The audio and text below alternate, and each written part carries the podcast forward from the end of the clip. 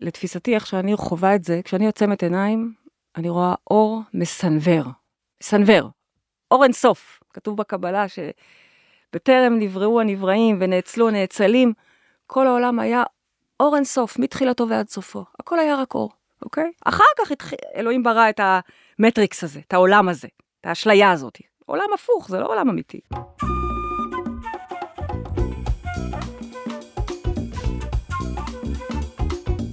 היי לכולם. אני מניחה שחשוב לכולנו להיות בריאים יותר, מאוזנים יותר, שמחים יותר, חזקים יותר. מלאי אנרגיה יותר. מעולה, כי זו בדיוק המטרה של הפודקאסט הזה, יש מקום לריפוי. אני רות רועי ויינשטיין, מייסדת ונשיאת עמותת תעצומות. בפודקאסט הזה, יש מקום לריפוי, אני פוגשת ומראיינת חוקרים, מדענים, רופאים, מטפלים ואנשי רוח מהטובים שיש. מהם תקבלו גם השראה, גם שיטות, גם כלים וגם המון ידע, שיאפשר לכם לחיות חיים מלאים, בריאים ומספקים יותר, ממקום של יצירתיות, שמחה והזנת הגוף, הלב והתודעה.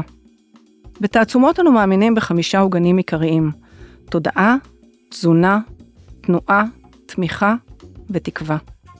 אנחנו מאמינים בכל לב כי יש מקום לריפוי. ולמען הסר ספק, אני מדגישה כי המידע שתשמעו כאן היום ובכלל אינו הנחיה או המלצה רפואית או אחרת, ואינו משמש כתחליף לייעוץ פרטני או אחר. אז יאללה, בואו נתחיל.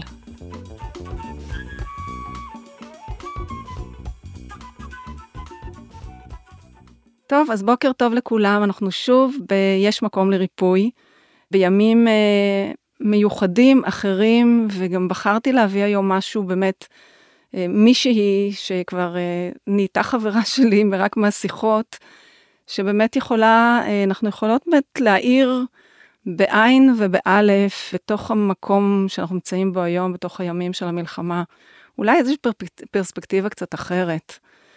אז פריידי מרגלית, תודה שהגעת הנה, ותודה שאנחנו יחד פה. איזה כיף. כיף גדול, ופריידי מייסדת שיטת המטאיזם. אה, בדיוק דיברנו עכשיו על, אה, אמרתי לה שבפאלית, מטה זה חסד ונדיבות הלב. אז אה, זה יצא... מדהים, את זה לא ידעתי. אז זה יצא מחובר. כי זה ביוונית מעבר. אנחנו לומדים לראות את המעבר כל הזמן. אבל איזה כיף שזה גם בעצם המקור לחסד. לגמרי, זה מה שרציתי להגיד, החסד בא מהמעבר. מדהים. אז תודה שהגעת, את עומדת בראש עמותת מרחב מודעות, שפועלת לפיתוח תודעה שאולי היום זה הדבר הכי חשוב, כי אנחנו באיכשהו, אני מרגישה בתוך, אני לא אוהבת את המילה מלחמה, אבל אנחנו בתוך אה, גלות תודעתית. ממש, או... גלות הדעת, זה נקראת הגלות הרביעה, החמישית הזאת. בדיוק, והתודעה פה משחקת תפקיד מאוד מאוד חשוב. אז נדבר גם על מה שקורה היום, גם נשמע את הסיפור האישי של פריידי, שבדיוק קיבלתי ממנה ספר, ותודה רבה על uh, גן העדן זה כאן, ובימים כל כך טרופים, אני יכולה לשאול, האומנם? ואנחנו נראה לכם שכן, עדיין גן העדן זה כאן, ממש. ואנחנו אלה שיוצרים ובוראים אותו, אז זה תלוי רק בנו.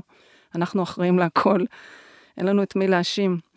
אז זהו, ונדבר באמת על uh, איך יוצרים מרחב ריפוי, מה זה ריפוי לפי תפיסת העולם שלנו, uh, מה אנחנו בעצם יכולים לעשות בימים אלה, על אף שהכל נראה כל כך אבוד, חשוך, uh, קשה, אה, אז כן אפשר להביא גם אור לתוך המקום הזה, וככל שהחושך גדול, גם האור גדל בהתמדה. ממש כך. אז אנחנו חושבת שאנחנו נצלול למקומות האלה ונראה באמת איך אפשר להבריא דרך התודעה. כי כמו שאתם יודעים, בתעצומות התודעה זה המפתח. אנחנו אומרים תודעה, תזונה, תנועה, תקווה ותמיכה, אבל אני חושבת שהתודעה היא המפתח, זאת הייתה גם הדרך החלמה שלי. ובאמת איך אנחנו משנים את המאזן שתלוי רק בנו, ואיך אנחנו מביאים חסד לעולם ולעצמנו. אז בוקר טוב. בוקר טוב.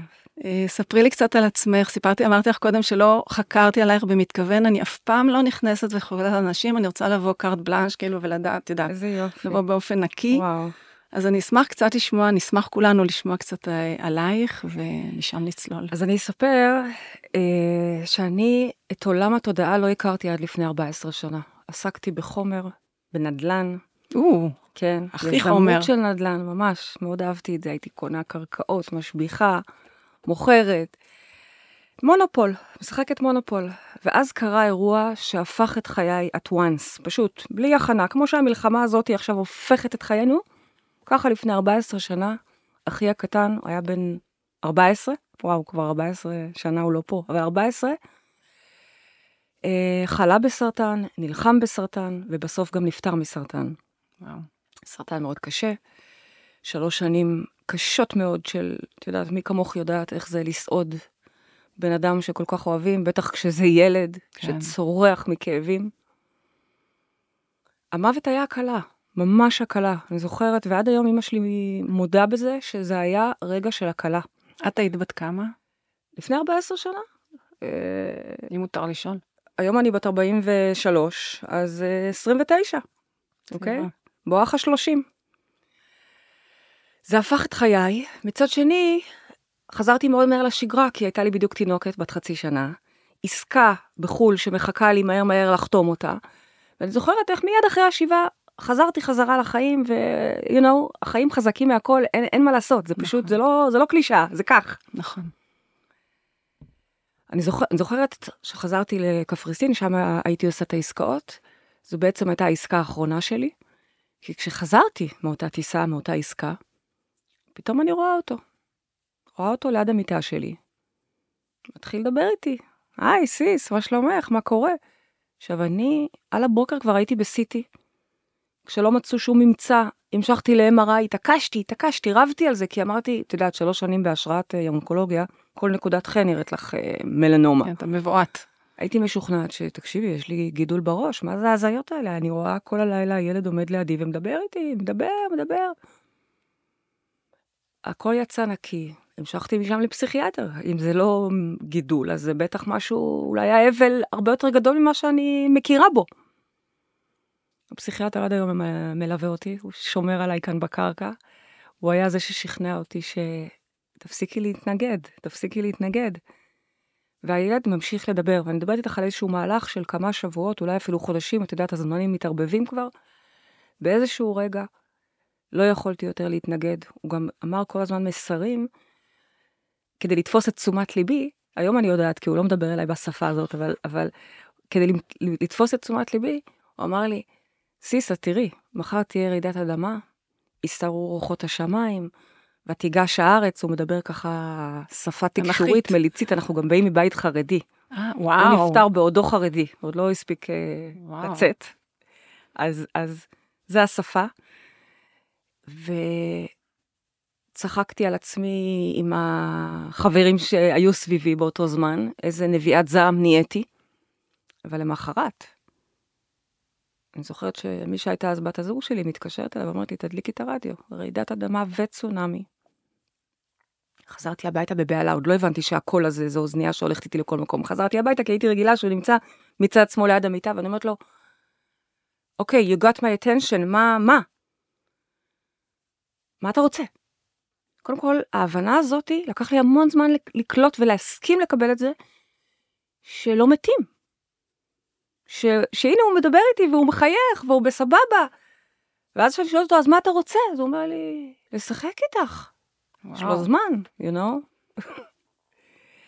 ואפשר להגיד שמאז 14 שנה, אני לא עושה שום דבר אחר, כלום לא מעניין אותי חוץ מלשחק איתו. וזה לא רק איתו, הוא היה השער להבין את המשחק הגדול של הבריאה, של הרוח, של אלוהים, של איך שתקראו לזה, אוקיי? אז קודם כל ההבנה שלא מתים, אימא'לה, היא עיממה אותי, כי אני, יש לי תמונה חרוטה, איך הוא קבור, יורד לקבר, זה, זה תמונות קשות כאלה. לא, זה רק גילוף, זה הקליפה, זה שום דבר, עזבי. הרוח חיה, הרוח נצחית, זה משהו שהיה לי וואו גדול. אה, בתור מה- אחת, סליחה רגע שאני עוצרת אותך, בתור אחת שבאה מבית, אה, כולם שואלים אותי את זה, חרדי, לא התחברתי הרי- לזה. וואלה. ואגב, לא רק שלא התחברתי, אני גם עזבתי את הדת דאז. לפני. אגב, היום, זה עדיין לא שאני שומרת על הלכות, אבל אני מאוד מאוד מחוברת. את אלוהים לא עזבתי אף פעם. כן. אני כן יכולה להגיד לך שמאז שהוא מלמד אותי, ובכלל, מאז שנפתחתי לרוח כמו שאני מבינה אותה היום, בחוויה שלי אני יותר דתייה מאי פעם. שוב, אל תסתכלי אני- על השרוול. אני מבינה וה- למה את מדברת. את מבינה? זה ה- לגמרי. בתשובה. שלמה. ממש, אין לי שאלות, בתשובה שלמה, גם עכשיו בתוך כל הקושי, ואנשים לפעמים שואלים, רגע, אז איפה היה אלוהים ב-7 לאוקטובר? מה קרה, הלך לישון? לא, לא. אלוהים... אין טעויות. אין טעויות, ונדבר על זה עוד מעט, זה קצת קשה להבנה. ואז אני מתיישבת על הספה, ולא זזה מהספה במשך עשור, יותר מעשור, לא זזה, כי אני פתאום קולטת שאין לי לאן לרוץ. מאישה שכל שבוע טסה לחו"ל, ישראל קפריסין על הקו במשך שנים, וכל היום בתזזיתיות, ומוכרת, ורעש. אין לאן לזוז. אני מתיישבת על הספה, הכל קורה פה בתוך התודעה. לגמרי. כלום, כלום. עולם ומלואו בתודעתנו. חבל על הזמן. just name it, תגידי לאן את רוצה לנסוע, את שם. תגידי מה את רוצה, את שם. והתחלתי ללמוד. כשאני אומרת ללמוד זה פשוט רק לכתוב ולכתוב ולכתוב ולכתוב ולכתוב ו... ולרוץ אחרי האור, שאני אף פעם לא יכולה להספיק לכתוב את כולו, אבל לפחות שבבים ממנו. ובעצם כך נוסדה לי ימים, לא ידעתי אז באותם ימים שאני כותבת כרגע את שיטת המטאיזם. אני כתבתי מחברות, מחברות. צד אחד ישבתי, הענקתי כל הזמן, וצד שני כותבת, כותבת. מתגלגלת מצחוק תוך כדי בקול. זר, בטח היה מאשפז אותי. מבחוץ. ומאוד מהר זה הפך לכלים פרקטיים. כנראה שבכל זאת משהו באישיות הפרקטית, הנדל"נית, הכל זה כלים פרקטיים. כלומר, זה, כלומר, זה שיטה יישומית. תתחילי לשחק, ואין, השיעור הבא לא מגיע עד שאת לא משחקת עם השיעור הזה. כלומר, בוא נראה שתפסת את זה, בוא נראה שאת מבינה מה זה רק אנרגיה.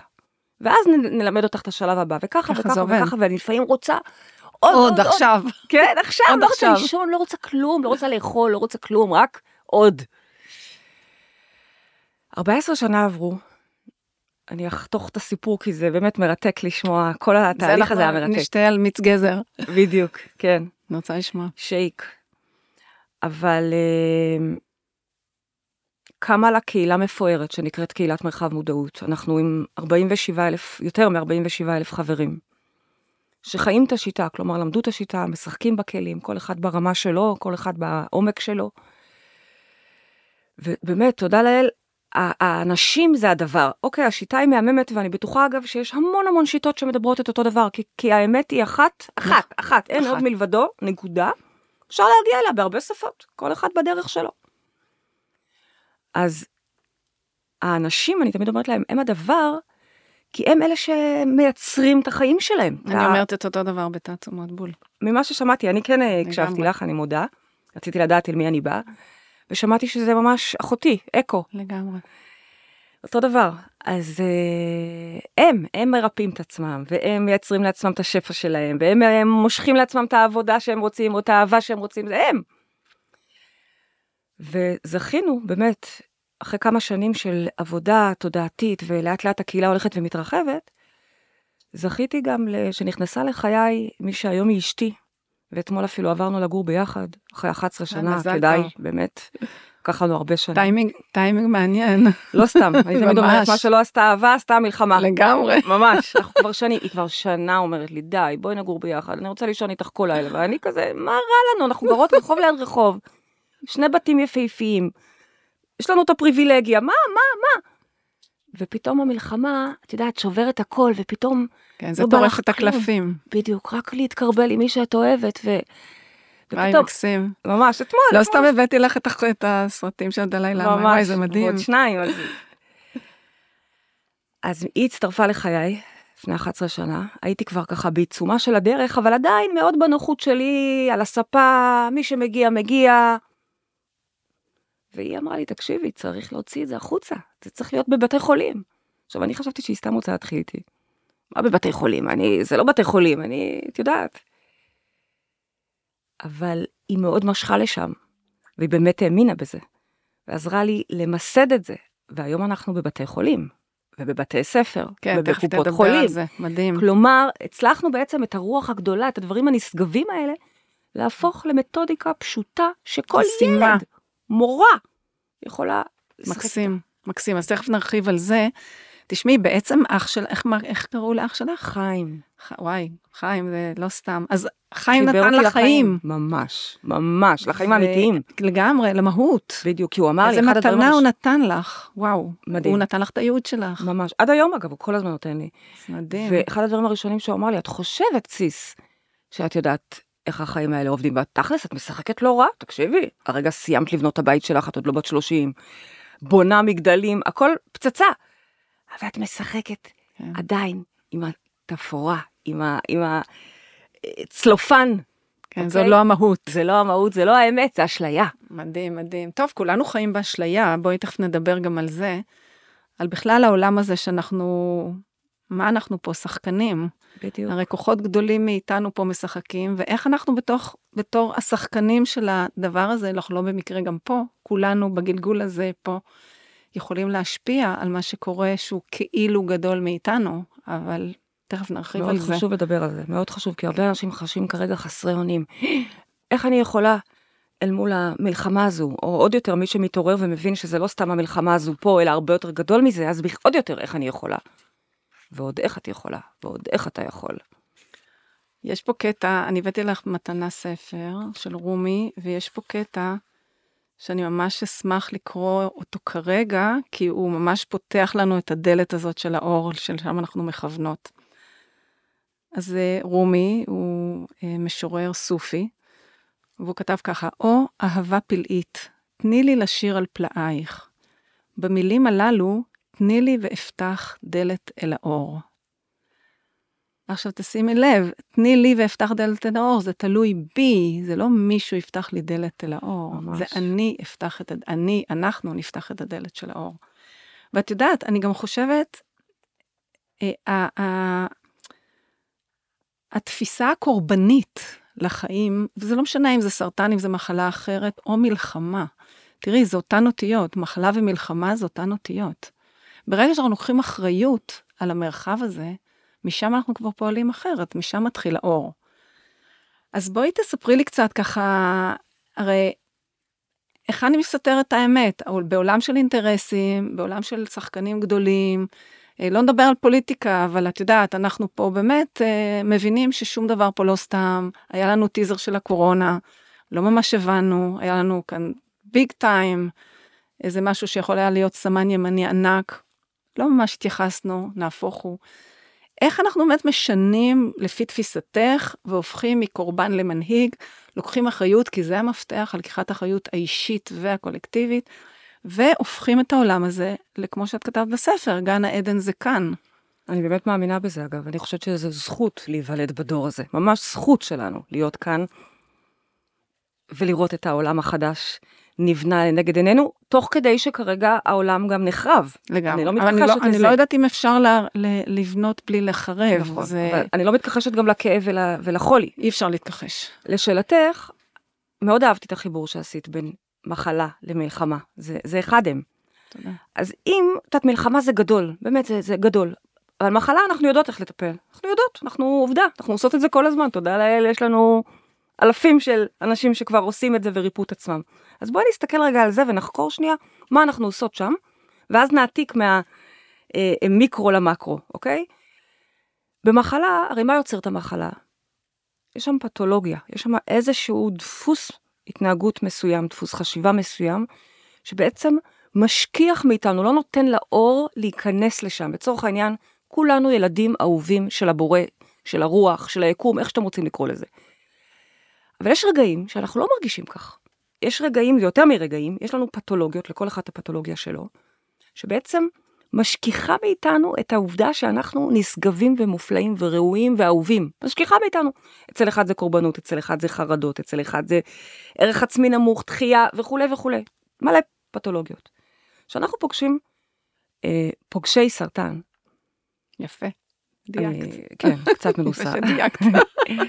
כשאנחנו פוגשים פוגשי סרטן, נשים, גברים, בתוך המחלה, אחרי המחלה, זה לא משנה. הדבר הראשון שאנחנו עושים, באמת, אנשים לפעמים באים אלינו, חושבים, מרחב מודעות, בטח יעשו לנו פה כיף, מסאז' כזה, משהו טוב כזה, אולי איזה שיאצו, לא, לא, לא, הם מגיעים אלינו, אנחנו יושבים בתוך המחלקות. ודבר ראשון שאנחנו עושים זה להבין רגע מה יצר את המחלה. זה לא רגע נעים, זה לוקח בין מפגש לשלושה מפגשים, להבין רגע בכלל מה הפתולוגיה שיצרה את המחלה. עכשיו, לא צריך לתקשר בשביל זה. הגוף הגאוני הזה מתקשר איתנו ואומר לנו, מגלה לנו בשפה אוניברסלית, מה, איפה? תגיד, איזה, איזה, איזה סוג סרטן? איזה סוג מחלה? אגב, זה לא רק לסרטן, כל המחלות, לכל מחלה, אוקיי? לגמרי. איזה סוג מחלה? יופי, תנסה רגע להבין מה המחלה הזאת בעצם מייצגת, והנה לך הסבר ברור על הפתולוגיה. לצורך העניין, סתם, אם ניקח לדוגמה, הכי שכיח אצלנו, בגלל שאנחנו יושבות במחלקת, באונקולוגיה נשים, באיכילוב, אז הכי שכיח זה סרטן השד. זה גם הכי פרנדלי, כן. אוקיי? למרות שאנחנו מטפלים גם בדברים אחרים קשים בהרבה. שד, המהות שלו זה הרי להעניק ולתת, וזה יופי של נדיבות, וזה באמת זכות גדולה שיש לכולנו כבני אנוש, ונשים בפרט. אבל, כאשר זה יוצא מפרופורציה, כשאין שם איזון, והשד הוא רק מעניק ומעניק ומעניק ומעניק ומעניק, ולמי לא נשאר? יש שם עד כדי ביטול עצמי. הופה, אז הנה יש פה פתולוגיה. השד סיפר לך, לחש לך, שאת, ממי, הנתינה שלך מוגזמת, מרצה, ואת לא רואה את עצמך. את, את מכלה את הכוחות של עצמך. עכשיו, לוקח זמן להבין את זה, לפעמים אפילו זה עובר באיזושהי התנגדות. מה, את חושבת, אני עשיתי לעצמי את הסרטן? לא בכוונה, אף אחד לא אמר לעצמו, וואו, בא לי חופשה אונקולוגית. ממש לא. אבל הלא מודע, זה, זה הגאונות של הגוף הזה, זה לא סתם גוף, זה, זה, זה מחשב על טאץ' ברמה הכי גבוהה שאפשר לדמיין. עכשיו, ברגע שאנחנו מתחילים לצאת נגד הפתולוגיה, כלומר, מעכשיו, כן, אני יודעת שאת חולה וקשה, ו... אבל את לא יכולה עכשיו לתת כמו שאת רגילה. את לא יכולה עכשיו להמשיך לעשות את הכביסה לילדים. כל מיני דברים קטנים, אבל איך, איך הוא יסתדר? מה זה איך הוא יסתדר? פרזיט בן 30, ממי, הגיע הזמן לשחרר את הילד. אם לא לטובתו, אז דחוף בשביל השד שלך. וככה הם בעצם, במשך תקופה אנחנו מלווים אותם בדרך כלל 12 שבועות מינימום, זה המחקר. הרבה מהם, תודה לאל, אחרי שהם מסיימות את המחקר, ממשיכות, חוזרות. כי זה ongoing, זה חיים, אני יכולה זה, להגיד זה לך שיש חיים שלמים. בדיוק. יש מקום לריפוי, יודעת, השם הזה, זה יש מקום לריפוי תמיד, כל הזמן, בכל רגע נתון. נכון. וזה עבודה, כולנו זה דרך חולים חיים. בכל, רב בודה אמר כולם חולים. כולנו חולים באיזשהו אופן כזה או אחר. שמעתי איזה משפט שלך שמאוד אהבתי, שאחרי שהתחלת את. השינוי תזונה, אז אחת החברות או מישהו שאל אותך, "אה, מתי את מסיימת עם זה? ואמרת לו, מה זאת אומרת? אף פעם. תמר שאלה אותי, תמר ספרא, אמרה באמת? לי, את משוג... איזה, מה זה התזונה הקיצונית הזאת? מתי זה? אמרתי לה, זה החיים שלי זה כבר. החיים. אפרופו תמר ספרא, פרופסור תמר ספרא, היא מדהימה. מדהימה. היא הכניסה אותנו, זה המחקר שלה, אוקיי? כן, זה רשום על. שמה ויש לה בניינים שלמים בגן עדן. כן, היא הייתה האונקולוגית הראשונה, ש... כי הראשונה, אה, היחידה. באמת? כן, שהיא לא הבינה, אני אז התנגדתי לכל מה שהציעו, והיא ככה, את יודעת, וואו. קשה לבלוע היא את זה. פורצת דרך כבר, אני מכירה אותה שלוש שנים מאז תחילת המחקר שלנו, שלוש, ארבע שנים. אבל הבנתי שהיא כבר 20 שנה כן, היא חוקרת בעולמות האלה. עולמות רוחניים, עולמות תודעתיים. זה היה מדהים עם תמר, כי שהיא הבינה שאני לא, שאני לא הולכת לקונבנציה, למשהו מומלץ, אז היא חיברה אותי עם אה, אורני זקס, שהיא ברפואה טיבטית, ושם נפתחו לי השמיים. מדהים. כאילו זה היה, זאת הייתה תחילת הדרך אז שלי. היא הכניסה אותנו, היא עשתה את ההלסינקי ואת כל מה שצריך כדי להכניס אותנו לבתי. חולים, והיום, שזה כבר משועתק לעוד בתי חולים, זה התחיל באיכילוב, אבל עכשיו סורוקה, ויש עוד בתי חולים, ויש קופות חולים. היא, היא, היא, מדהים. זה באמת, כן, היא לא רואה. רחוק. תמר רואה רחוק, היא מפותחת. רואה רחוק, רואה עמוק, חבל על כן, הזמן. נכון, אישה מדהימה. והרבה נשים שהתחילו את המחקר כחולות, חלקן אפילו סטייג' 4, אוקיי? בקטע של, אוקיי, בואי נעשה מה שאפשר, הולכות להיות עכשיו מדריכות אצלנו. כלומר, הן בשנה שלומדות כבר להיות מטפלות ומדריכות, כי הן הולכות עכשיו להעביר. אין לי, אין לי כוח אדם שיעביר עכשיו בכל הארץ. זה מעולה, שמה, שהמאמ... את מבינה? זה מעולה, שהם גדלים בתוך הבית ונהיים המאמנים. בדיוק. זה, זה, המקס... זה, זה, זה, ככה, זה מדהים. הצוות שלי. ככה צריך להיות לדעתי. והן מדהימות, מדהים, א', כי הם חוו את זה הארדקור. לגמרי. חלקן בכלל לא חשבו שהם, שהם יחלימו, לא חשבו, זה היה, ב, ב, ב, הגיעו למחקר בבחינת, אוקיי, בוא, יש פה איזה קורס מסובסד, ממומן, יאללה, בוא ננסה. זה פשוט לא יאמן. תראי, את הדרך שלי אני התחלתי בזה שאמרתי, אני רוצה לפגוש אנשים שנתנו להם שלושה חודשים, חצי שנה לחיות, וחיים עשרות שנים אחרי זה, מה הם עשו. ככה התחילה הדרך, אני נסעתי בכל הארץ ושאלתי וחקרתי, וזה היה מדהים, כי הבנתי שכל אחד עושה משהו אחר, אבל המכנה המשותף היה שהם כולם לקחו אחריות. ומה שמדהים זה שאת עשית את זה כבר לפני 17, 20. 16, 20 שנה. עכשיו זה 20. את מבינה, יש לי צמרמורת, כי אני פריבילגית, בקצפת, את יודעת, עכשיו זה פשוט יחסית, כן, עכשיו הנה, זה- בתוך עכשיו מחקר, הלסינקי, קופות חולים, כן. קופות חולים רודפות אחרינו. זה מדהים. ברגע שמכבי הכניסו, עכשיו כבר יש כללית מאוחדת, מדהים. נהדר, זה אומר שיש פה, וואו, זה בשורה ממש אחרית מדהימה. הימים, כן. ממש. אמ, אז דבר ראשון שאנחנו עושים זה קודם כל להבין את הפתולוגיה, ואז הדבר השני זה לצאת נגד הפתולוגיה, כלומר לקחת אחריות. וזה לא תמיד פשוט, כי זה לצאת נגד הדפוסים שאת מכירה כל חייך וחשבת שזה את. מי את אם לא הנדיבות שלך? מי את אם לא ה... לא יודעת, הרחם שמכילה את כולם. ושוב פעם, זה טוב להיות רחם שמכילה את כולם. הכל זה עניין של מידתיות. בדיוק, בדיוק. ושם אנחנו עושים עבודת עומק, עבודת עומק, זה לא קל.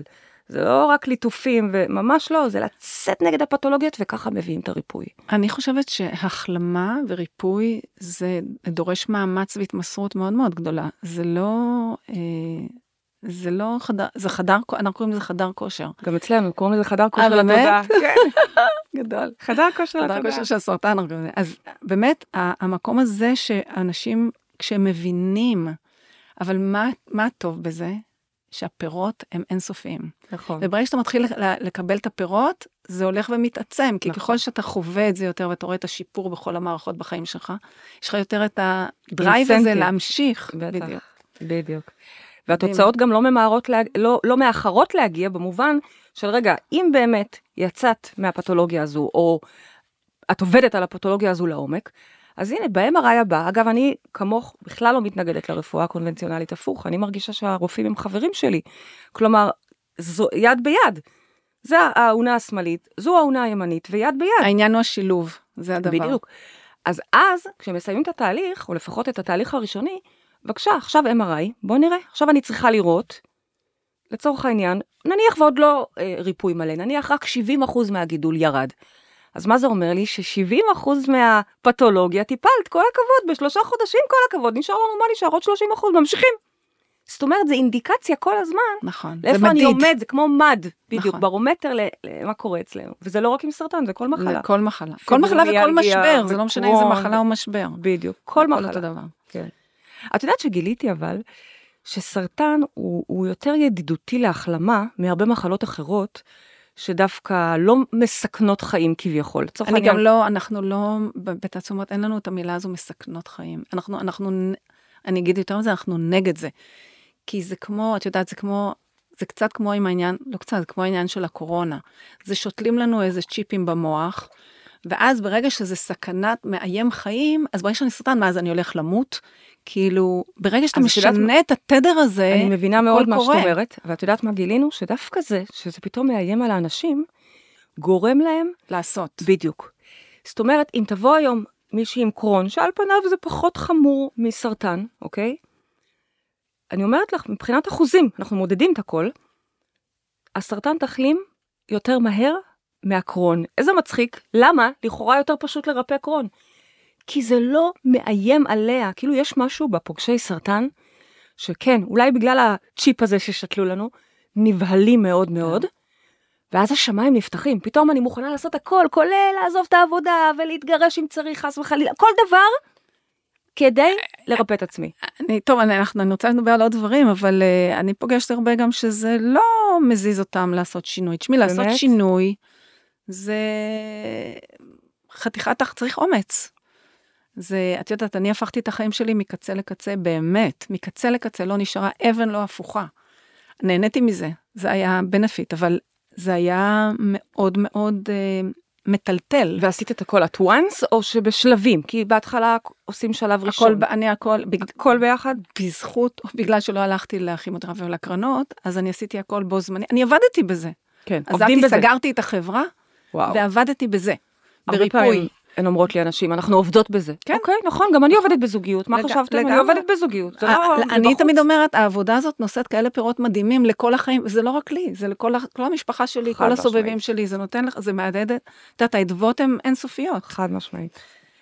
את יודעת, אני, בתפיסה שלי, אם אין אני לי מי לי, אני, אני לא מחכה שמישהו יעשה לי משהו. אני לא מצפה ש... אותו דבר גם, דרך אגב, מהמדינה. מה שקרה, כאילו, הכתובת הייתה על הקיר, זה לא... ברור. המקום הזה של אני אחראית לכל דבר בחיים שלי, הוא מקום מאוד מאוד מבוסס אצלי. וזה מקום שגם בתעצומות אנחנו משתדלים מאוד לתת לאנשים את המ- את המרחב הזה. כן. ב- מתוך המקום הזה, איך בעינייך יוצרים מקום של ריפוי? מה נדרש? איך אנחנו מביאים את האור לעצמנו ואחר כך לאחרים? זאת אומרת, מה, איך אנחנו יכולים באמת לעטוף את הדבר הזה ולהיות, להישאר אקטיביים לאורך זמן, כי זה העניין, בלי לאבד כוחות, בלי להתייאש, בלי... אז אני אקח, אני ככה אקח את מה שאמרת קודם, שעשית את ההשוואה בין מחלה למלחמה, והתחלנו להיכנס לרגע מה נדרש כדי לרפא את עצמנו. נדרש קודם כל להבין שזה אנחנו, למרות שנוח לי להגיד שזה הממשלה והכימיקלים והכל נכון, כן? אבל בואו, בשורה התחתונה, אני, אוקיי? אני פה. ואז לחקור את הפתולוגיה שיצרה את זה, ואז לצאת נגד הפתולוגיה ולרפא אותה, ושוב, זה ongoing, זה דרך חיים, זה לא יום אחד וסיימנו. אם אני מסתכלת על המהלך הזה, ויש פה מהלך, את אותו דבר בדיוק אנחנו רוצים לעשות כשאנחנו באים לדבר פה על המצב הלאומי. אני יכולה אפילו להשוות ולהגיד שהמדינה שלנו, או העם שלנו, כרגע חולה בסרטן. סרטן גרורתי אפילו. מסכימה איתך. גרורתי. מתחברת לזה מאוד. ממש, אפילו אפשר להסתכל רגע על המדינה ולראות אותה בצורה של אדם, אוקיי? ממש, יפה. יש לה צורה של אדם. והאדם הזה כרגע חולה, חולה. בסרטן. תסתכלו רגע, אפילו אם אני צריכה, הרי בסוף הסרטן מתפרץ באיזושהי נקודה, כל אחד והמקום שלו. הוא התפרץ באזור עזה, יצא דרך עזה. לא שאני אומרת שהם הבעיה, אוקיי? כי הם, אם אני, גם אם אני אשמיד אותם, הם רק נקודה אחת בתוך הגוף החולה הזה. זה מכלול. בדיוק. אבל אני יכולה להסתכל ולהגיד, רגע, אז יש פה מחלה. מחלה שהיא אוטואימונית, מחלה שהיא באה מתוך עצמנו. אנחנו, בסופו של דבר, זה לא בא מבחוץ, זה בא אנחנו, מבפנים. יוצ... אנחנו יוצרים את כל מה שקורה בחיים שלנו. בדיוק. אז בדיוק כשם שאנחנו מסתכלים על מחלה ומבינים שאנחנו יצרנו אותה, ואז גם אנחנו יכולים לרפא אותה, מי שקלקל הוא שיתקן, נכון. רבי נחמן מברסלב אומר. אותו דבר אנחנו יכולים לעשות עם העם שלנו והמדינה שלנו, ואולי העולם כולו, כי בסוף, מה זה העולם? הקרנה של projection. זה העולם של... כולו, לגמרי. בדיוק. כלומר, אותו דבר, אותו מהלך שאנחנו יודעים לעשות, גם את, גם אני, וכל הצוותים שלנו, מצוין, עם מחלות, בואו נעשה את אותו דבר במחלה הקולקטיבית שלנו. עכשיו, מה המחלה? אם אני צריכה עכשיו רגע לזהות, נניח ויושבת מולי, בדיוק השבוע הקלטתי אה, תוכנית רדיו עם אשתי, יש לנו הרי תוכנית רדיו בוויינט, שיחות בגן עדן זה נקרא, והשבוע עשינו שמה, קראנו. בטיפול, קראנו למדינת ישראל לספה, אוקיי? אשתי ייצגה את ישראל, קראתי לה ישראלה, וניסינו ביחד לבחון איזה פתולוגיות יש לה. אם, אם ישראל היא ישות, אוקיי? אז איזה פתולוגיות יש לה? אז כמו שאת פתחת בתחילת השיחה הזו, הפתולוגיה הכי קשה שלנו, הכי קשה שלנו, שהעם היהודי, מאז ומתמיד, ההיסטוריה חוזרת על עצמה, זה הקורבנות קורבנות. שלנו. אוף. פרעה, נבוכדנצר, אחשוורוש. נועדנו לסבול. בדיוק. נועדנו לסבול. השואה, מלחמת העולם, מלחמת העולם עכשיו. גם יתרה מזו, יש לנו הוכחות. ומה, אתה מתווכח עם ההוכחות לא ההיסטוריות? אני אגב באמת לא מתווכחת. נכון, אין גם מה מה שקרה להתווכח. ש... לפני חודש. אין מה להתווכח, זה, נכון. שואה. מה נכון. שקורה פה עכשיו זה שואה. שואה, לגמרי. שואה. אני כבר צועקת את זה שואה כמה בתוך שנים. המדינה, גם אני. נכון, שנים. כן, גם את צועקת את זה? כן. ולפעמים אנשים אומרים לי, איך את, אישה שהיא מורה דרך, רוחנית, איך את מדברת כאלה דברים? יש לך כוח להשפיע. אבל בגלל הכוח להשפיע אני צועקת את זה, כדי שנתעורר. אחרת מה, כוח להשפיע זה להרדים ולהגיד, לא, הכל בסדר, ממי? לא, לא הכל בסדר. יש פה סרטן שצריך לטפל בו. עכשיו, מה הסרטן? הסרטן זה לא עזה. ושוב, אני לא מקטינה מהפראי אדם שעשו מה שעשו, אני מדברת רגע עלינו, אמרנו, אחריות, אנחנו לא מדברים בהם. המחלה היא מחלה אוטואימונית, פגיעה עצמית. אנחנו פוגעים בעצמנו, ממש פוגעים בעצמנו. מסכימה איתך. מהרסייך ומחריבייך ממך יצאו. אנחנו רבים ומתכתשים ו- ופוגעים בעצמנו, מחוררים את עצמנו. אז בעצם כמו מחלה, כל הדבר הזה בעצם תפקידו כדי שנתעורר, נכון? חלה פה, יש לנו הזדמנות להתעורר. היו לנו הזדמנויות בעבר, כבר דיברנו עכשיו, עכשיו, ל... בדיוק, דיברנו עכשיו על הקורונה. יש לנו כל הזמן הזדמנויות להתעורר.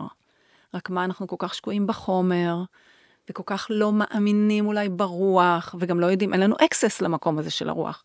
ולכן אנחנו טבועים בתוך המקום הזה, החומרי, הנהנתן, ושוכחים איפה באמת צריך לעשות את העבודה, כי העבודה היא בתודעה, נכון. של כולנו אגב, כי יש כאן אחדות, הרי כל אחד מאיתנו זה חלקיק אלוהים קטנטן. הרי כולנו ביחד יוצרים את התודעה הקולקטיבית, זה לא. אחד. אבל כל אחד צריך להתחיל בלקחת אחריות על עצמו. לגמרי. זה לא מחר לרוץ עם הפגנות, אפילו לא לשלום שלום. לא. בואי נעשה שלום בתוכנו. בואי נרפא את הגוף שאנחנו, ואין מה לעשות, כמו שאת אמרת, זה אדוות על אדוות וזה משפיע על כל המעגלים שלנו. זאת הדרך היחידה, בעיניי לפחות, לשלום, ל... לריפוי. לא רוצה לקרוא לזה שלום, איתך. לריפוי. מסכימה איתך לגמרי. אמ, אני גם חושבת שאנחנו כולנו תלויים אחד בשני, זאת אומרת, זה לא, אף אחד מאיתנו הוא לא הכל, אוקיי? זה, בבודהיזם קוראים לזה התהוות מותנית. כולנו תלויים בכולנו כל הזמן לכל דבר, שום דבר הוא לא בפני עצמו. אז אם כולנו נעבוד לתוך המקום הזה, או נפתח, יהיה לנו את האקסס לאור, לשביל הזה, אז זה כבר מהדהד בכולם. כן, העניין הוא שאת יודעת, לפעמים אנחנו כל כך עסוקות, תודה לאל, באור, ואנחנו מוקפות בכל כך הרבה אנשים וצוותים שעובדים, שאנחנו שוכחות, אני לפחות יכולה להעיד על עצמי, אשתי היא פה להזכיר לי את זה כל הזמן, היא אומרת לי, רגע, רגע, רגע, אבל כשאני הולכת למספרה או למכולת, אנשים בכלל לא שמה. נכון. את חיה במקום, במקום אחר. אבל לא תהיה לנו ברירה. כבר אין לנו ברירה. זה- כן. כבר עכשיו. אם אנחנו אגב, לא נתעורר- מלא אנשים התעוררו עכשיו. נכון. כל הדרום. כל מי שחווה את, את הטרגדיה הקשה, בין אם הוא גר בדרום, או חווה בדרום, או ירד למסיבה בדרום, כבר הבין על בשרו, לצערנו, בשרו ממש, מה זה אומר שאין על מי לסמוך. אין, אין. נכון. עשר שעות הם היו כלואים שם בממ"דים, חלקם גם יותר. קוראים לעזרה, מתקשרים למשטרה, והמשטרה אומרת לכם, אין מה לעשות, אה, בהצלחה. כן. כלומר, הם למדו על בשרם בצורה הכי כואבת שלא נדע מה זה אין על מי לסמוך. שוב, אלא על אבינו שבשמיים ואבינו שבתוכנו. אלוהים יושב פה בתוכנו. אלוהים זה אנחנו. בדיוק. זאת אומרת, אנחנו צריכים להחזיר את הכוח והסמכות לעצמנו. פחות טלוויזיה, פחות חוץ, פחות ממשלה, פחות מנהיגים. הם לא מנהיגים. את יודעת מה הציל אותי במלחמה הזאת? אני, אין לי טלוויזיה 20 שנה, כשאבינועם עזב את העולם, עזבה הטלוויזיה איתו לעולם הבא. ואני לא ברשתות בכלל, אין לי פייסבוק, אינסטגרם, כל וואו. הדבר הזה, אין לי מושג מה קורה שם. ועיתונים אני כמובן גם לא קוראת, אבינועם היה קורא שלושה עיתונים ביום, אני ביטלתי את כל המנויים כשהוא עזב. נפרד, לא עזב, נפרד מעולם. לא נפרד. מדברת בעצם. איתו? כן. הוא- אותו. הוא נותן לי, גם הלילה, הוא נותן לי ממש מסרים. יואו, כן. איזה כיף זה. איזה זכות זו, נכון? מרגיש שאתה לא לבד. כל אתה הזמן, אפילו לא עכשיו לבד. בדרך לפה הוא שר לי שירים באוזנייה, ואיזה יפה, אה, ציס, וואו. ככה, כל. הזמן. אז באמת מה שהציל אותי זה, ואני אני מודה שביומיים הראשונים נכנסתי לבלבלה והתחלתי כן לקרוא את כל הסיפורים האלה, ואז הבנתי שאני לא אוכל, אם אני, כמה שאני יותר אקרא, אני צוללת יותר עמוק לתוך היגון והעצב והדיכאון, ואני לא אצליח לתפקד, אני ממש כאילו קפאתי מבפנים, ממש. כן. ואז עזבתי, אמרתי, עשיתי החלטה שפעם ביום אני פותחת את הוויינט, רואה כזה מה קורה, גם ילדים, נכדים, לדעת איפה אני מתמקמת וזה, וזהו, וזהו.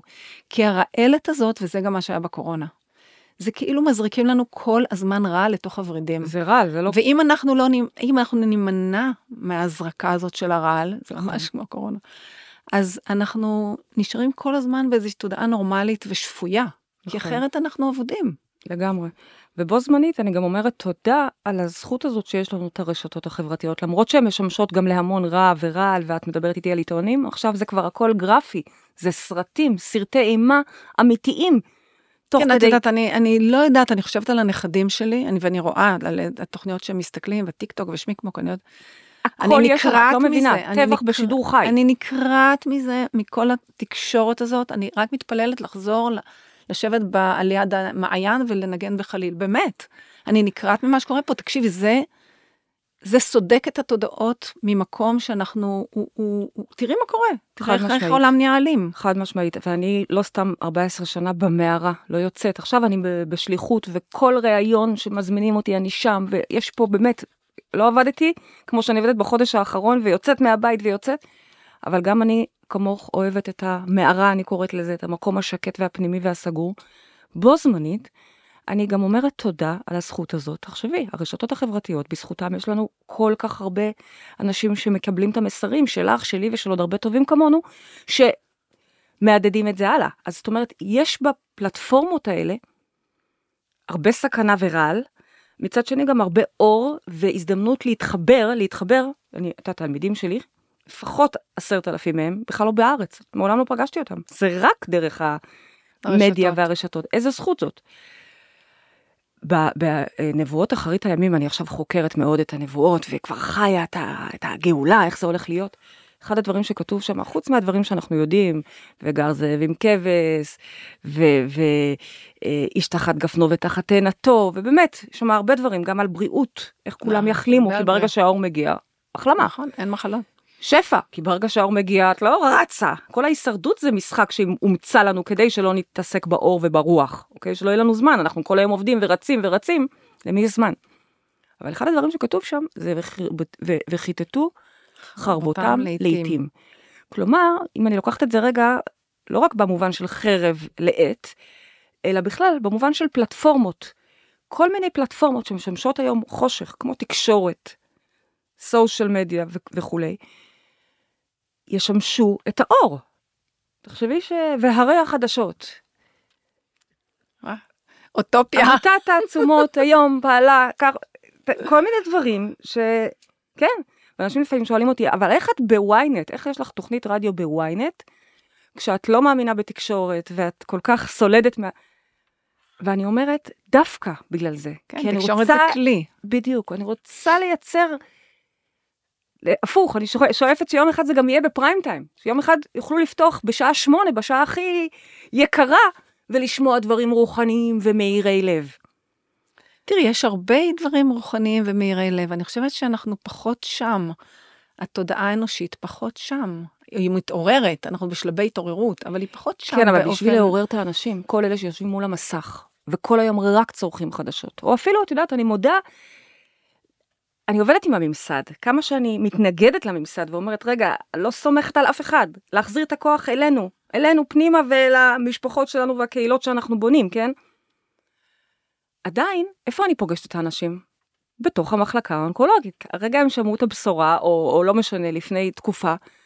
זאת אומרת, אני שם פוגשת אותם. זה, זה שער כניסה שאני רוצה דווקא שם להיות ולהגיד להם, תדעו לכם, יש עוד אפשרויות. תדעו לכם, אתם יכולים לא רק לצאת מזה, אלא להפוך להיות מטפלים רוחניים ולהעיר עוד מלא מלא אנשים אחרים. כן, כן, זה מה שתעצומות, התעצומות בחרה לא להיות בממסד, כי אני חושבת שדווקא מחוץ לממסד יש חסר מאוד מאוד גדול.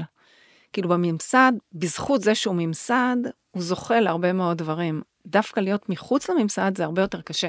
אני, אני מסכימה לא, איתך. לא להגיד קשה, אלא מאתגר. אני מסכימה okay. כן. ומבינה, את מבינה אבל למה אני מתעקשת ככל שייתנו לי. לגמרי, אני חושבת שזה גם וגם. אני גם לא לוקחת בחשבון שיום אחד יגידו לי, תעופי מפה, את מדברת נגד הממסד. אבל, יש לי עניין, שוב, כשאנחנו למשל הקמנו את תוכנית הילדים שלנו, יש לנו אותו דבר, אותה שיטה בדיוק, אותם כלים, ילדים הם אפילו במידה מסוימת יותר מוארים ופחות מלוכלכים מאיתנו, אוקיי? לגמרי. אבל כשתרגמנו את זה לשפה של ילדים, שזה יהיה נגיש לילדים, רצינו דווקא בתוך משרד החינוך. למה?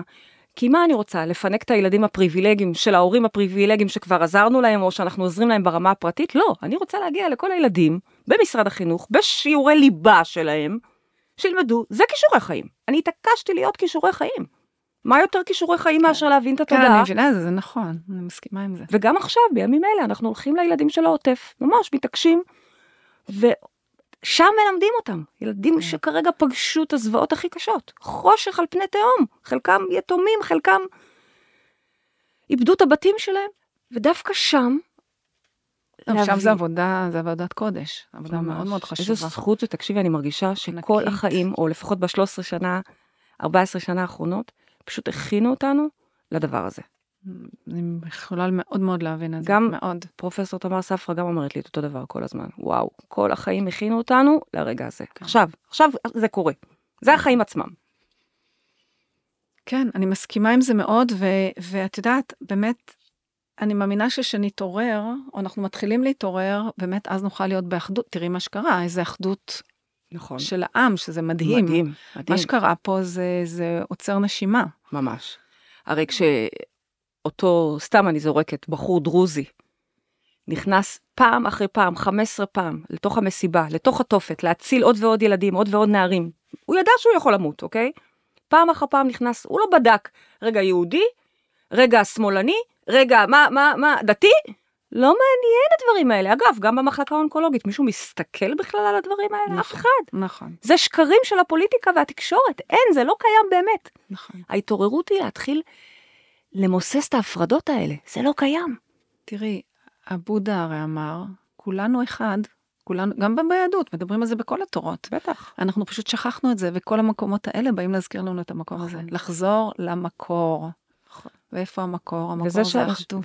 והתחלנו קודם שאמרנו, אז רגע, אז איפה אלוהים היה בשביעי לאוקטובר, או איפה הוא היה בשואה, או איפה הוא עכשיו? הוא פה, הוא פה, הוא כל כך פה, המלך פה בשדה, אפילו שלא חודש אלול, תמיד אומרים את זה על חודש אלול, שהמלך בשדה, קרוב אלינו נגיש, הוא פה כל כך נגיש, באמת, גם אנשים לא רוחניים פתאום מתעוררים, ומרגישים את ה... שוב, את האור הזה, את השכינה, לא משנה איך קוראים לזה, זה פה, זה דווקא בשביל להעיר. אני, אני ככה חיה.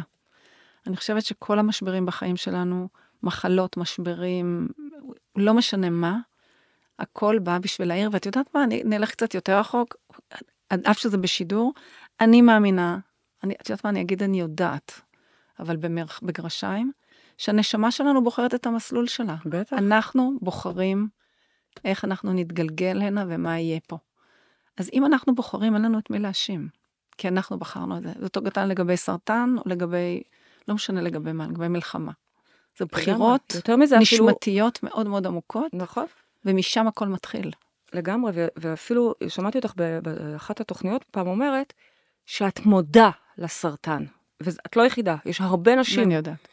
רק נשים שעברו את זה יכולות להגיד את זה, אוקיי? אחרת זה יהיר, זה מתנשא. אבל כן, את מודה, כי זה היה קריאת השכמה מאוד מאוד משמעותית. וגם אנחנו, עם מה שקורה כרגע, וקורים דברים קשים, עדיין יש פה איזשהו מקום של אודיה טריבה. הימים הראשונים אחרי המלחמה, גם אני כמוך קפאתי, קפאתי. אני הייתי עסוקה בימים הראשונים, ואני גם לא רואה, לא רואה טלוויזיה, לא מתעסקת בחוץ. ובימים הראשונים רק צרחתי סרטים, ואימא'לה ואימא'לה, ככה, שיתוק, נכנס לבהלה. בהלה, שיתוק. ואז, ורק רציתי, אם היינו יכולים לחזור לשישי לאוקטובר. איזה ביטחון, איזה, איזה תמימות, איזה תום. באמת, אני גרה ב, אומנם בהוד השרון, בפריפריה של הוד השרון, לא נועלת דלתות, אין לי בכלל שער לבית, מה, אלוהים שומר. אם רק מישהו היה יכול להחזיר אותנו לתמימות של היום קודם.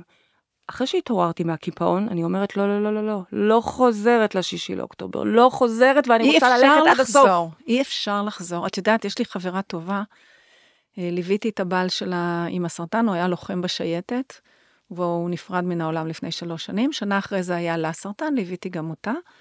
ועכשיו חמישה מה... הם, הם, היא בת קיבוץ רעים והוא בן קיבוץ בארי. ועכשיו חמישה מהבני משפחה של אה, ניר אה, נרצחו, וגם חצי כיתה שלה, ברעים, איננה. ובתוך כל הדבר הזה, היא מספרת לי שהאחיין שנהרג, הוא ביום שישי חגג יום הולדת 50, ובשבת הוא כבר לא היה. הארעיות של החיים, שאנחנו לא מצליחים לתפוס אותה אפילו, כי זה כל כך אה, מטלטל. אנחנו כל כך אחוזים, כאילו לכאורה יש ביטחון. לכאורה אנחנו יודעים, לכאורה אנחנו נוכל לעשות ככה וככה, זה הכל לכאורה, זה הרי סרט שאנחנו מוצאים לעצמנו. והמקום הזה של הפתאומיות הזאת, כל הזמן מחזיר אותנו, צריך, צריך להחזיר אותנו לאמצע שלנו. באמת, בגלל זה יש גם חסד מאוד גדול בתקופה הזו, כי משהו מתעורר, גם מי שלא מבין את הדברים שאנחנו עכשיו מבינות או מדברות. עצם הדברים הקשים שקורים מערערים אותנו ופתאום מבהילים אותנו לדבר הזה של רגע, יכול להיות שאני לא אהיה פה מחר. יכול להיות שכל מה שבניתי וחשבתי שבניתי, ברגע נעלם. תראי, מה אנחנו קוראים בבוקר? את ברכת השחר. מודה מה. ברור, בור, ברור מאליו שאני קמתי בבוקר ואני נושמת ואני בריאה? ממש, ממש לא. ממש, ממש. שום דבר לא ברור מאליו בעיניי. לגמרי, אבל זה מחזיר אותנו לזה, ולכן באמת, גם בחשיכה, איך מתעוררים, שאלת אותי קודם, אבל איך, לא זוכרת את המילים, לא שאלת איך מדליקים את האור, אבל איך שומרים על, על סוג של אור בתוך המצב הזה, מנצלים את החושך בעצם, את הסדקים שקרו פה כרגע, כי יש פה סדקים, המטריקס נסדק. הוא בדרך להיות מוחרב לחלוטין, אבל הוא כרגע נסדק. אז נכון שזה סדקים של כאב, אבל דרך הכאב גם נכנס המון אור, פתאום הבנה של רגע, רגע, אז אם, אם אני אמות מחר, אז מה פתאום, אז מה חשוב לי באמת? הנה, אני יכולה להגיד לך אפילו שוב בקטנה, כן? אה, אה, להבדיל. המעבר לגור עם אשתי, פתאום ההבנה של רגע, לא אכפת לי, אז הילדים שלה לא הכי מחונכים, סתם, תסלח לי, כן. בטח תקשיב לזה. הם לא מנקים אחריהם אה, את האמבטיה או את המטבח. די, נו, זה מה שחשוב. היית עכשיו חודש ביחד, בממ"ד ביחד, והכי כיף לכם בעולם.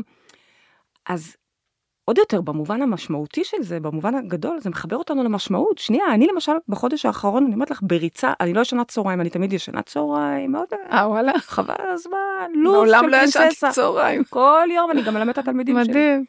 מאז בחודש האחרון אין לי זמן. אני לא יודעת מה, כמה זמן אני עוד אהיה פה, אין לי מושג. אני חייבת, כל ראיון, את רוצה אני באה, את רוצה אני באה. אני כמה שיותר יעזור ויעיר ויעיר ויעיר, כל עוד אני פה, כל עוד הנר שלי דולק. זו חוויה נורא חזקה, לחיות פתאום, נכון, הבעיה היא שאנחנו שוכחים את זה מאוד מהר.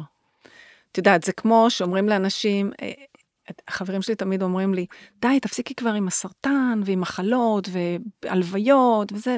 כשכל הזמן את מתעסקת בתוך המחלה, אני אומרת לו, אני אומרת לה, זה מה ששומר אותי כל הזמן בחיים. ובריאה. ובריאה לגמרי, ואת יודעת, אנשים לא מצליחים להבין את זה, כי כאילו, כן, אם אנחנו נסתכל על פרופורציות, תלך למחלקה האונקולוגית ותגיד, וואי, איזה יופי שאני בריא היום, את יודעת, זה לא, ממש. לא מובן מאליו, ממש. אבל אנחנו נורא מהר מאבדים את זה. חבל על הזמן. ובגלל זה העבודה הזאת היא כל כך חשובה של התודעה, שכל הזמן, כל הזמן צריך נכון. לפמפם אותה, כי אין ובגלל משהו זה אגב, אחר. המלחמה לא מסתיימת, כי מאוד מהר, אם עכשיו זה היה מסתיים, מאוד מהר אנחנו חוזרים להפגין ולשנוא ו- ו- אנחנו כבר חזרנו, ופירוד. מה?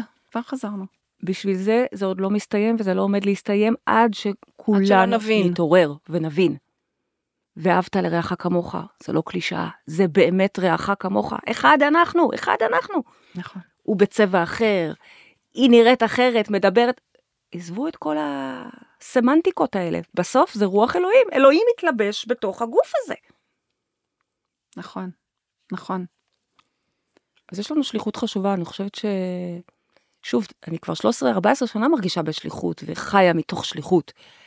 אבל משהו בחודש האחרון, כן, זו טלטלה מאוד מאוד מאוד גדולה. ואני לא רוצה שהיא ידענו. תיפסק, סליחה שזה נשמע. נוראי, אני לא רוצה שהיא שהיא תיפסק. אלימור, אשתי אמרה לי לפני כמה ימים, נראה לי הולכים להפסקת האש. אמרתי לה, אין מצב. עד שלא כולם מתעוררים ומבינים. כל עוד אנשים עדיין, אני רואה, אנשים עדיין סומכים, הנה עכשיו ביידן יבוא, יציל אותנו, ביידן, תעשה לי ילד, תעשה לי כוכב. לא, אז עוד לא אף אחד. לא יציל אותנו חוץ מעצמנו. בדיוק. אף אחד בדיוק. בעולם. בדיוק. אז זו בשורה קשה, אבל בו זמנית היא מאוד טובה, נכון. כי הכל תלוי בנו. נכון, אוקיי? נכון. לא תלוי גם בשום... בדברים שלכאורה הם ברומו של עולם, מה לי ולמלחמה, מה לי ול...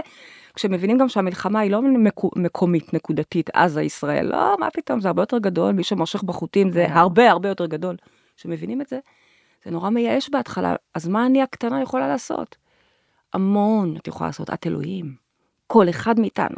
אני חושבת שהמון אפשר לעשות, ואני חושבת שמה שמאוד מאוד חשוב בימים כאלה במיוחד, זה להתחבר, שהתודעות, לחבר את התודעות הבשלות, כדי שה, שהאור יגדל. כי כשכל אחד בפני עצמו זה מאוד מאוד חשוב, אבל זה לא מספיק. את צודקת. כאילו החיבור, אני עכשיו, יש לי, התעוררתי לפני כמה ימים עם רעיון של לחבר כמה אנשי אור ביחד כדי לעשות עבודה קולקטיבית של אור. את צודקת, כי זה אנחנו- מאוד מאוד חשוב. אנחנו בקהילה שלנו רותמים את המסה ואנחנו עושים עבודה במסה, כי אנחנו באמת הרבה אנשים, אבל, ואני גם יודעת שיש עוד המון המון קהילות גדולות, נכון. בכל העולם אגב, לא נכון. רק פה, שעושות עבודה, אבל את צודקת שצריך להתאחד גם מעבר לזה, זאת המטרה.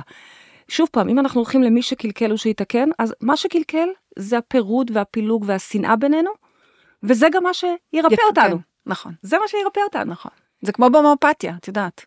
בהומאופתיה אתה נותן רעל מדולל כדי לרפא, זה אותו דבר. נכון. אה, כן, אנחנו גם התחלנו עכשיו איזשהו פרויקט של להפיץ את האור לכמה שיותר, ל- ל- ממש, אנחנו לוקחים אפילו חברים מהקהילה, לא רק מטפלים ומנחים, אלא לוקחים חברים מהקהילה שרק, שהם בעצמם ערים. נותנים להם כלים איך להעיר את השכנים, והחברים, והקולגות. ואני מסכימה איתך, כמה שיותר אור יתאחד, זה... זה, זה הריפוי זה שלנו, הדבר, זה זה הריפוי, והריפוי הוא רק האור, זה נשמע קצת אה, קלישאתי, אבל את יודעת, אנחנו לומדים עם אה, דוקטור מוטי לוי, אנחנו לומדים Mm, רפואה מכירה אותו אנתרופוסופית, היטב, כן. והוא כל הזמן מדבר על זה. עכשיו, זה באמת, זה לא, זה לא קלישאה, זה ברגע שאתה מבין לעומק שפה מונח הריפוי, אז אנשים יכולים את רוצה לפתוח את שרגע הלב. נדבר על זה שנייה, מה זה אומר רק מאוד. האור? שוב, לתפיסתי, איך שאני חווה את זה, כשאני עוצמת עיניים, אני רואה אור מסנוור. מסנוור. אור, אור אינסוף. כתוב בקבלה שבטרם נבראו הנבראים ונאצלו הנאצלים, כל העולם היה אור אינסוף, מתחילתו ועד סופו. הכל היה רק אור, אוקיי? אחר כך התחיל, אלוהים ברא את המטריקס הזה, את העולם הזה, את האשליה הזאת. עולם הפוך, זה לא עולם אמיתי. לגמרי. אבל באמת מה שקיים, אם אני עכשיו רגע מורידה את כל המסכים ואת כל הצעיפים, אור. עכשיו, האור הזה כל הזמן מקרין ישירות. הוא לא היום בא לי, לא בא לי, טרום מחזור, לא אוהב אותה, לא, היא לא נראית לי. האור נמצא זה כמו שהשמש זורחת כל יום. בדיוק, כל הזמן. זה, תופ... זה, זה הטבע, זה אור היקום. מסנוור. וזה הכל, זה השפע, זה הבריאות, זה, זה הכל. עכשיו, אנחנו כל הזמן מקבלים, אנחנו חלקים, נמשכים מהאור הזה, וכאשר אנחנו בעצם סוג של לכלוך, תחשבי שיש לכלוך בכלי, אז האור יורד, האור יורד, הוא לא מבחין. אבל אם יש לכלוך בכלי, אז obviously האור לא יכול למלא את אותו חלק של הלכלוך. אז מחלה, או מלחמה, זה בעצם לכלוכים תודעתיים שלנו. כלומר, כדי לחבור לאור, אנחנו צריכים בסך הכל להיכנס פנימה. אני אומרת בסך הכל, אני לא זה מה מקטינה. שרציתי להגיד. זה עבודה קשה, זה. עבודת חיים. לגמרי. אבל כדי להיכנס לאור, כדי להתחבר לאור, זה פשוט להיכנס פנימה ולראות שנייה, אז, אז איפה אני מונעת מהאור כרגע להיכנס ולשטוף אותי? לשטוף אותי זה ברמת התאים. זה, אני בטוחה שכמי שחוותה ריפוי כל כך גדול, את מכירה את הצמרמורות האלה של האלוהים ממלא אותך בכל תא ותא, עד כפות הרגליים, מהקודקוד. זה ריפוי, ככה קורה ריפוי. בין אם זה ממחלה פיזית, או מחלה תודעתית, כי המלחמה פה כרגע היא מלחמה תודעתית, מלחמת דעת. נכון. אני מאוד מסכימה עם זה. אני חושבת שבאמת מה ש... אולי נעשה אפילו עוד תוכנית. אני חושבת שבאמת מה שחסר לאנשים זה כלים. כי אני המצאתי את עצמי מחדש, לא היה אז כלום, לפני 20 שנה לא היה כלום. תחשבי איך היום היום, היום העולם מפוצץ. גם אנשי רשתות חברתיות אז לא היו עוד. אני פשוט הלכתי וחיפשתי. וואו. באופן אובססיבי. וואו. מה יכול להביא לי את האור הזה, את הידיעה הפנימית הזאת של מה שאני עושה, זה הכיוון, להתנסות, לנסות, להבין, לחקור, בדיוק מה שאת וואו, עשית אבל איזה בדרך שלך. חלוצה, כי אני קיבלתי את זה במתנה, ככה, כפית לתוך הפה, תאכלי. כן, אני, תראי, הטראומה שעברתי עם אבינום הייתה כל כך גדולה, שמבחינתי לא הייתה אופציה אחרת. הייתי באמת, אה, אה, אני זוכרת שאחד החברים שלי אמר, עכשיו את תהפכי גם את הריפוי שלך לפרויקט, אמרתי לו, נכון, הפכתי כבר. זאת אומרת, לא ראיתי שום, שום דרך אחרת.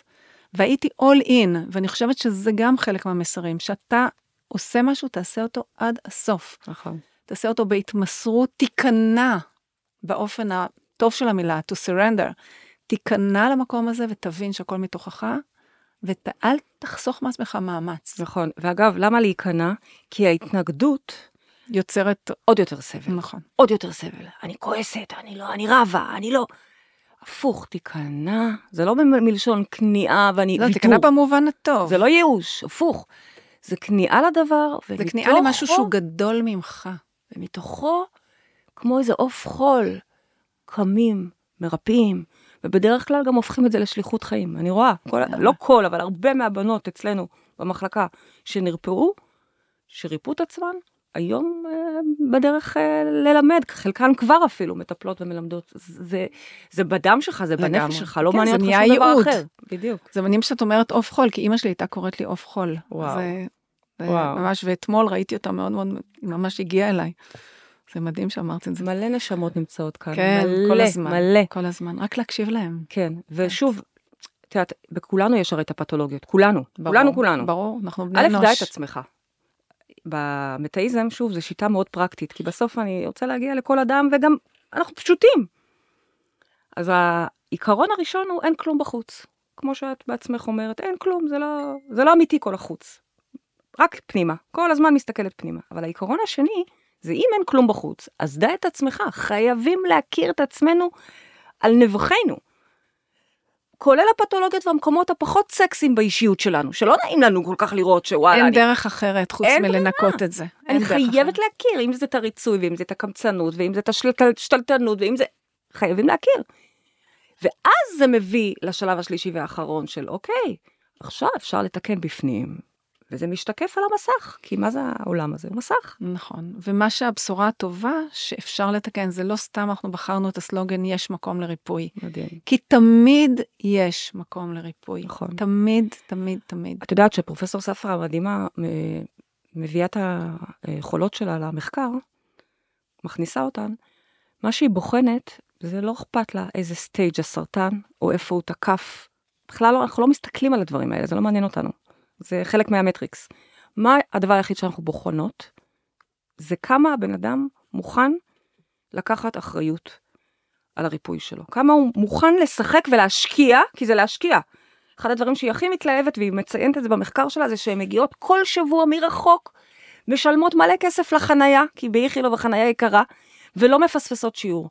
מבחינתה זה חלק, היא דואגת לציין את זה, כי, כי זה חלק מהריפוי. זאת אומרת, זה, זה, מה שזה אומר זה שזה בדיוק ה, מה שאמרת קודם, ההסכמה להיות all in בדבר הזה. אני יכולה להגיד לך שאנשים, ואני חקרתי הרבה, וגם בתעצומות יש הרבה מאוד אנשים שעשו ריפויים באמת מדהימים, מדהימים ברמות. זה אנשים שהיו נחושים, לא איבדו את האמונה, היו מוכנים להתמסר לדרך ולעשות שינויים מקצה בדיוק, לקצה. אני, החיים שלי בדיוק. התהפכו מקצה לקצה. עשיתי ויתורים ענקיים, היום בעיניי זה לא ויתור, בעיניי זה פשוט, זה, זה נתן לי את החיים, אבל האנשים האלה בדיוק. מחוללים ריפוי. ממש. ואת יודעת, אני, אני אשמח שפעם, כשיהיה לך זמן ותרצי לראיין, דווקא בנות שהגיעו עם סרטנים לא פשוטים, אוקיי? וכבר ניסו הכל. ואיך פתאום, במהלך קצר, חוללו ריפוי. כן, מה קרה שם? זה מרתק לשמוע אני אותם, כי הן מכירה את מספרות זה. את זה מנקודת מבט, אני מספרת את זה ממי- כמייסדת השיטה, כמי שמנהלת ומובילה את זה, אבל הן מספרות, למשל, אחת מהן קוראים לה מירב, ואני מתה עליה, היא אוטוטו תהיה מנח- מנחה. מה זה מירב? מירב היא בתעצומות, מירב חברת ברור. שהיא בתעצומות, כולם בתעצומות. כן, את מכירה מירב את מירב? ברור. אוי, איזה דבר, אה?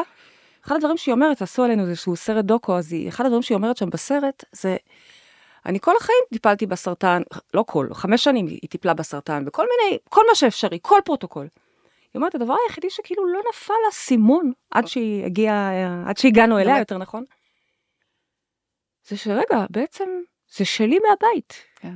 היא תמיד טיפלה חיצונית, אוקיי, אני אקח את הפרוטוקול הזה, אני אקח את הפרוטוקול הזה, אני אעשה את זה, אני אעשה את זה.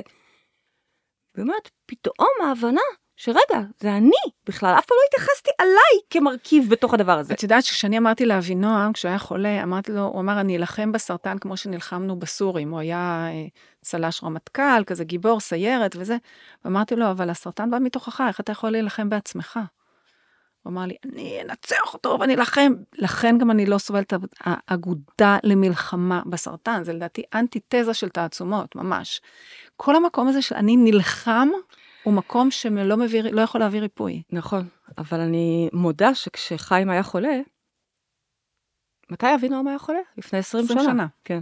כשחיים היה חולה לפני 14 שנה, הוא נפטר, אז כן, לפני 17 אה, הוא היה חולה.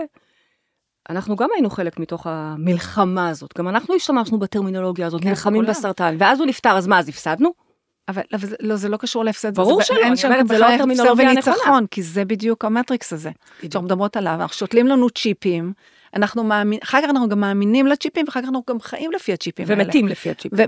וברור, כי זה מחלה הורגת, בדיוק. אבל לא, צריך לשנות את כן, זה גם שם מהמקום של מלחמה. בדיוק. זה לשנות את כל תפיסת העולם הפנימית. ממש. וזה קשה, כי היום העולם הוא הולך ב...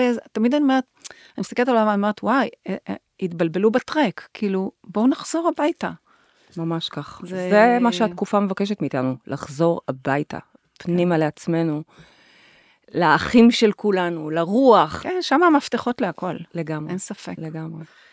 וואי, פרדי, איזה כיף שבאת, טוב, אנחנו צריכות לסיים, לא צריכות, השעון... אה, אני, לפני שאני נותנת לך את הספר הזה במתנה, אז אני רוצה לקרוא ככה בתור אה, סיומת איזשהו. אה, קוואט קטן, ואחר כך גם תגידי לנו איך אפשר להגיע אלייך, איך אפשר להתחבר אליך. בטח, אני אשמח. אה, מה...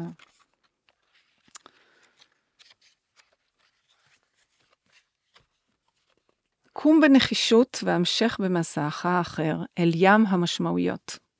הפלג יודע שלא יוכל להישאר על פסגת הר. עזוב.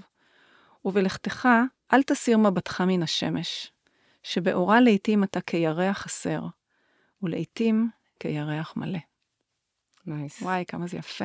וואו, מדהים, תודה, איזה כיף. מקסים, מקסים. ועוד משהו קטן, אתה הדרך ויודע הדרכים, יותר ממפות, יותר מאהבה. אנחנו הכל.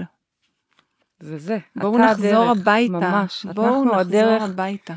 והדרך חכמה מהולכיה. לגמרי. אז הכוח אצלנו, זה פשוט להחזיר את זה, לסגור את המסכים, לסגור את המסך הזה שנקרא מטריקס, שכולו המציאות הזאת, וללמוד פתאום להקשיב לקול הפנימי. אם אנחנו לא במחלות עסקינן, הרי תודה לאל, מרחב מודעות עוזר גם לאנשים פרטיים עם בעיות, אני שמה במרכאות אחרות, שפע, כן, אהבה. כולם יש בעיות. כולנו יש עניינים. ואחד הדברים שאנחנו בעצם לומדים זה להחזיר את הכוח פנימה, לצאת מהמטריקס, לא להאמין למה שבחוץ, וללמוד להתחבר פנימה לקול הפנימי הזה, כן, לכולם אני- יש אוזנייה. אני חושבת שמה שאני מוצאת בכלל זה שאנשים, יש המון איך לעשות, העניין הוא שצריך לחפש את הלמה. המקור הוא למה אני במקום X ומה אני יכול, ואחר כך מה אני יכול לעשות כדי לעשות את התיקון. אבל המקום הזה של, אה, אני רואה את זה הרבה גם בתעצומות, אנשים רצים להמון המון טיפולים, להמון המון דברים, אבל שנייה רגע, תעצרו. תעצרו, תתמרכזו, לגמרי. למה אתם בכלל, למה לגמרי. לבן אדם יש סרטן, לאחד יש סרטן בכליה ולאחד יש סרטן בשחת. בדיוק. למה לאחד יש סכרת ולשני יש... למה? והמפתח הוא רק אנחנו. לגמרי.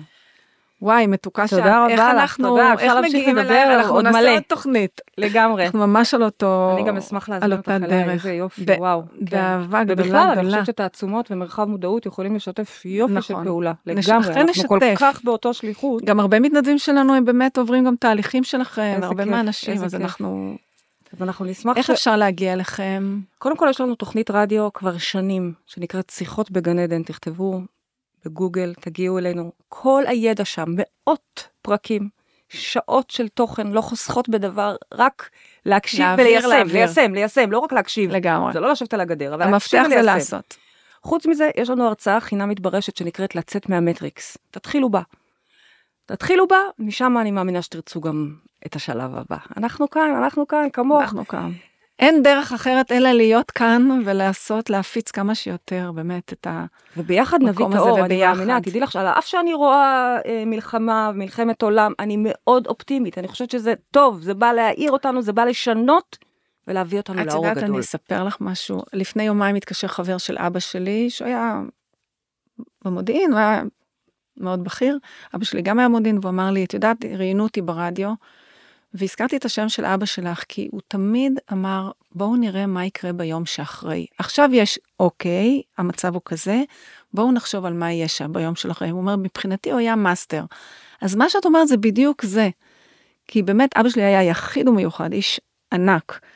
ותמיד הוא היה אומר, זה המצב כרגע, בואו נתכנן את השלב הבא. והשלב הבא זה באמת לעשות גן עדן, גן עדן במקום הזה. גן עדן זה כאן. תודה פריידי. תודה לך. תודה רבה על החסד הזה. ולראות ועל השיתוף חסד. פעולה ועל הכל, ואנחנו עוד נעשה הרבה דברים ביחד. תודה. תודה רבה רבה.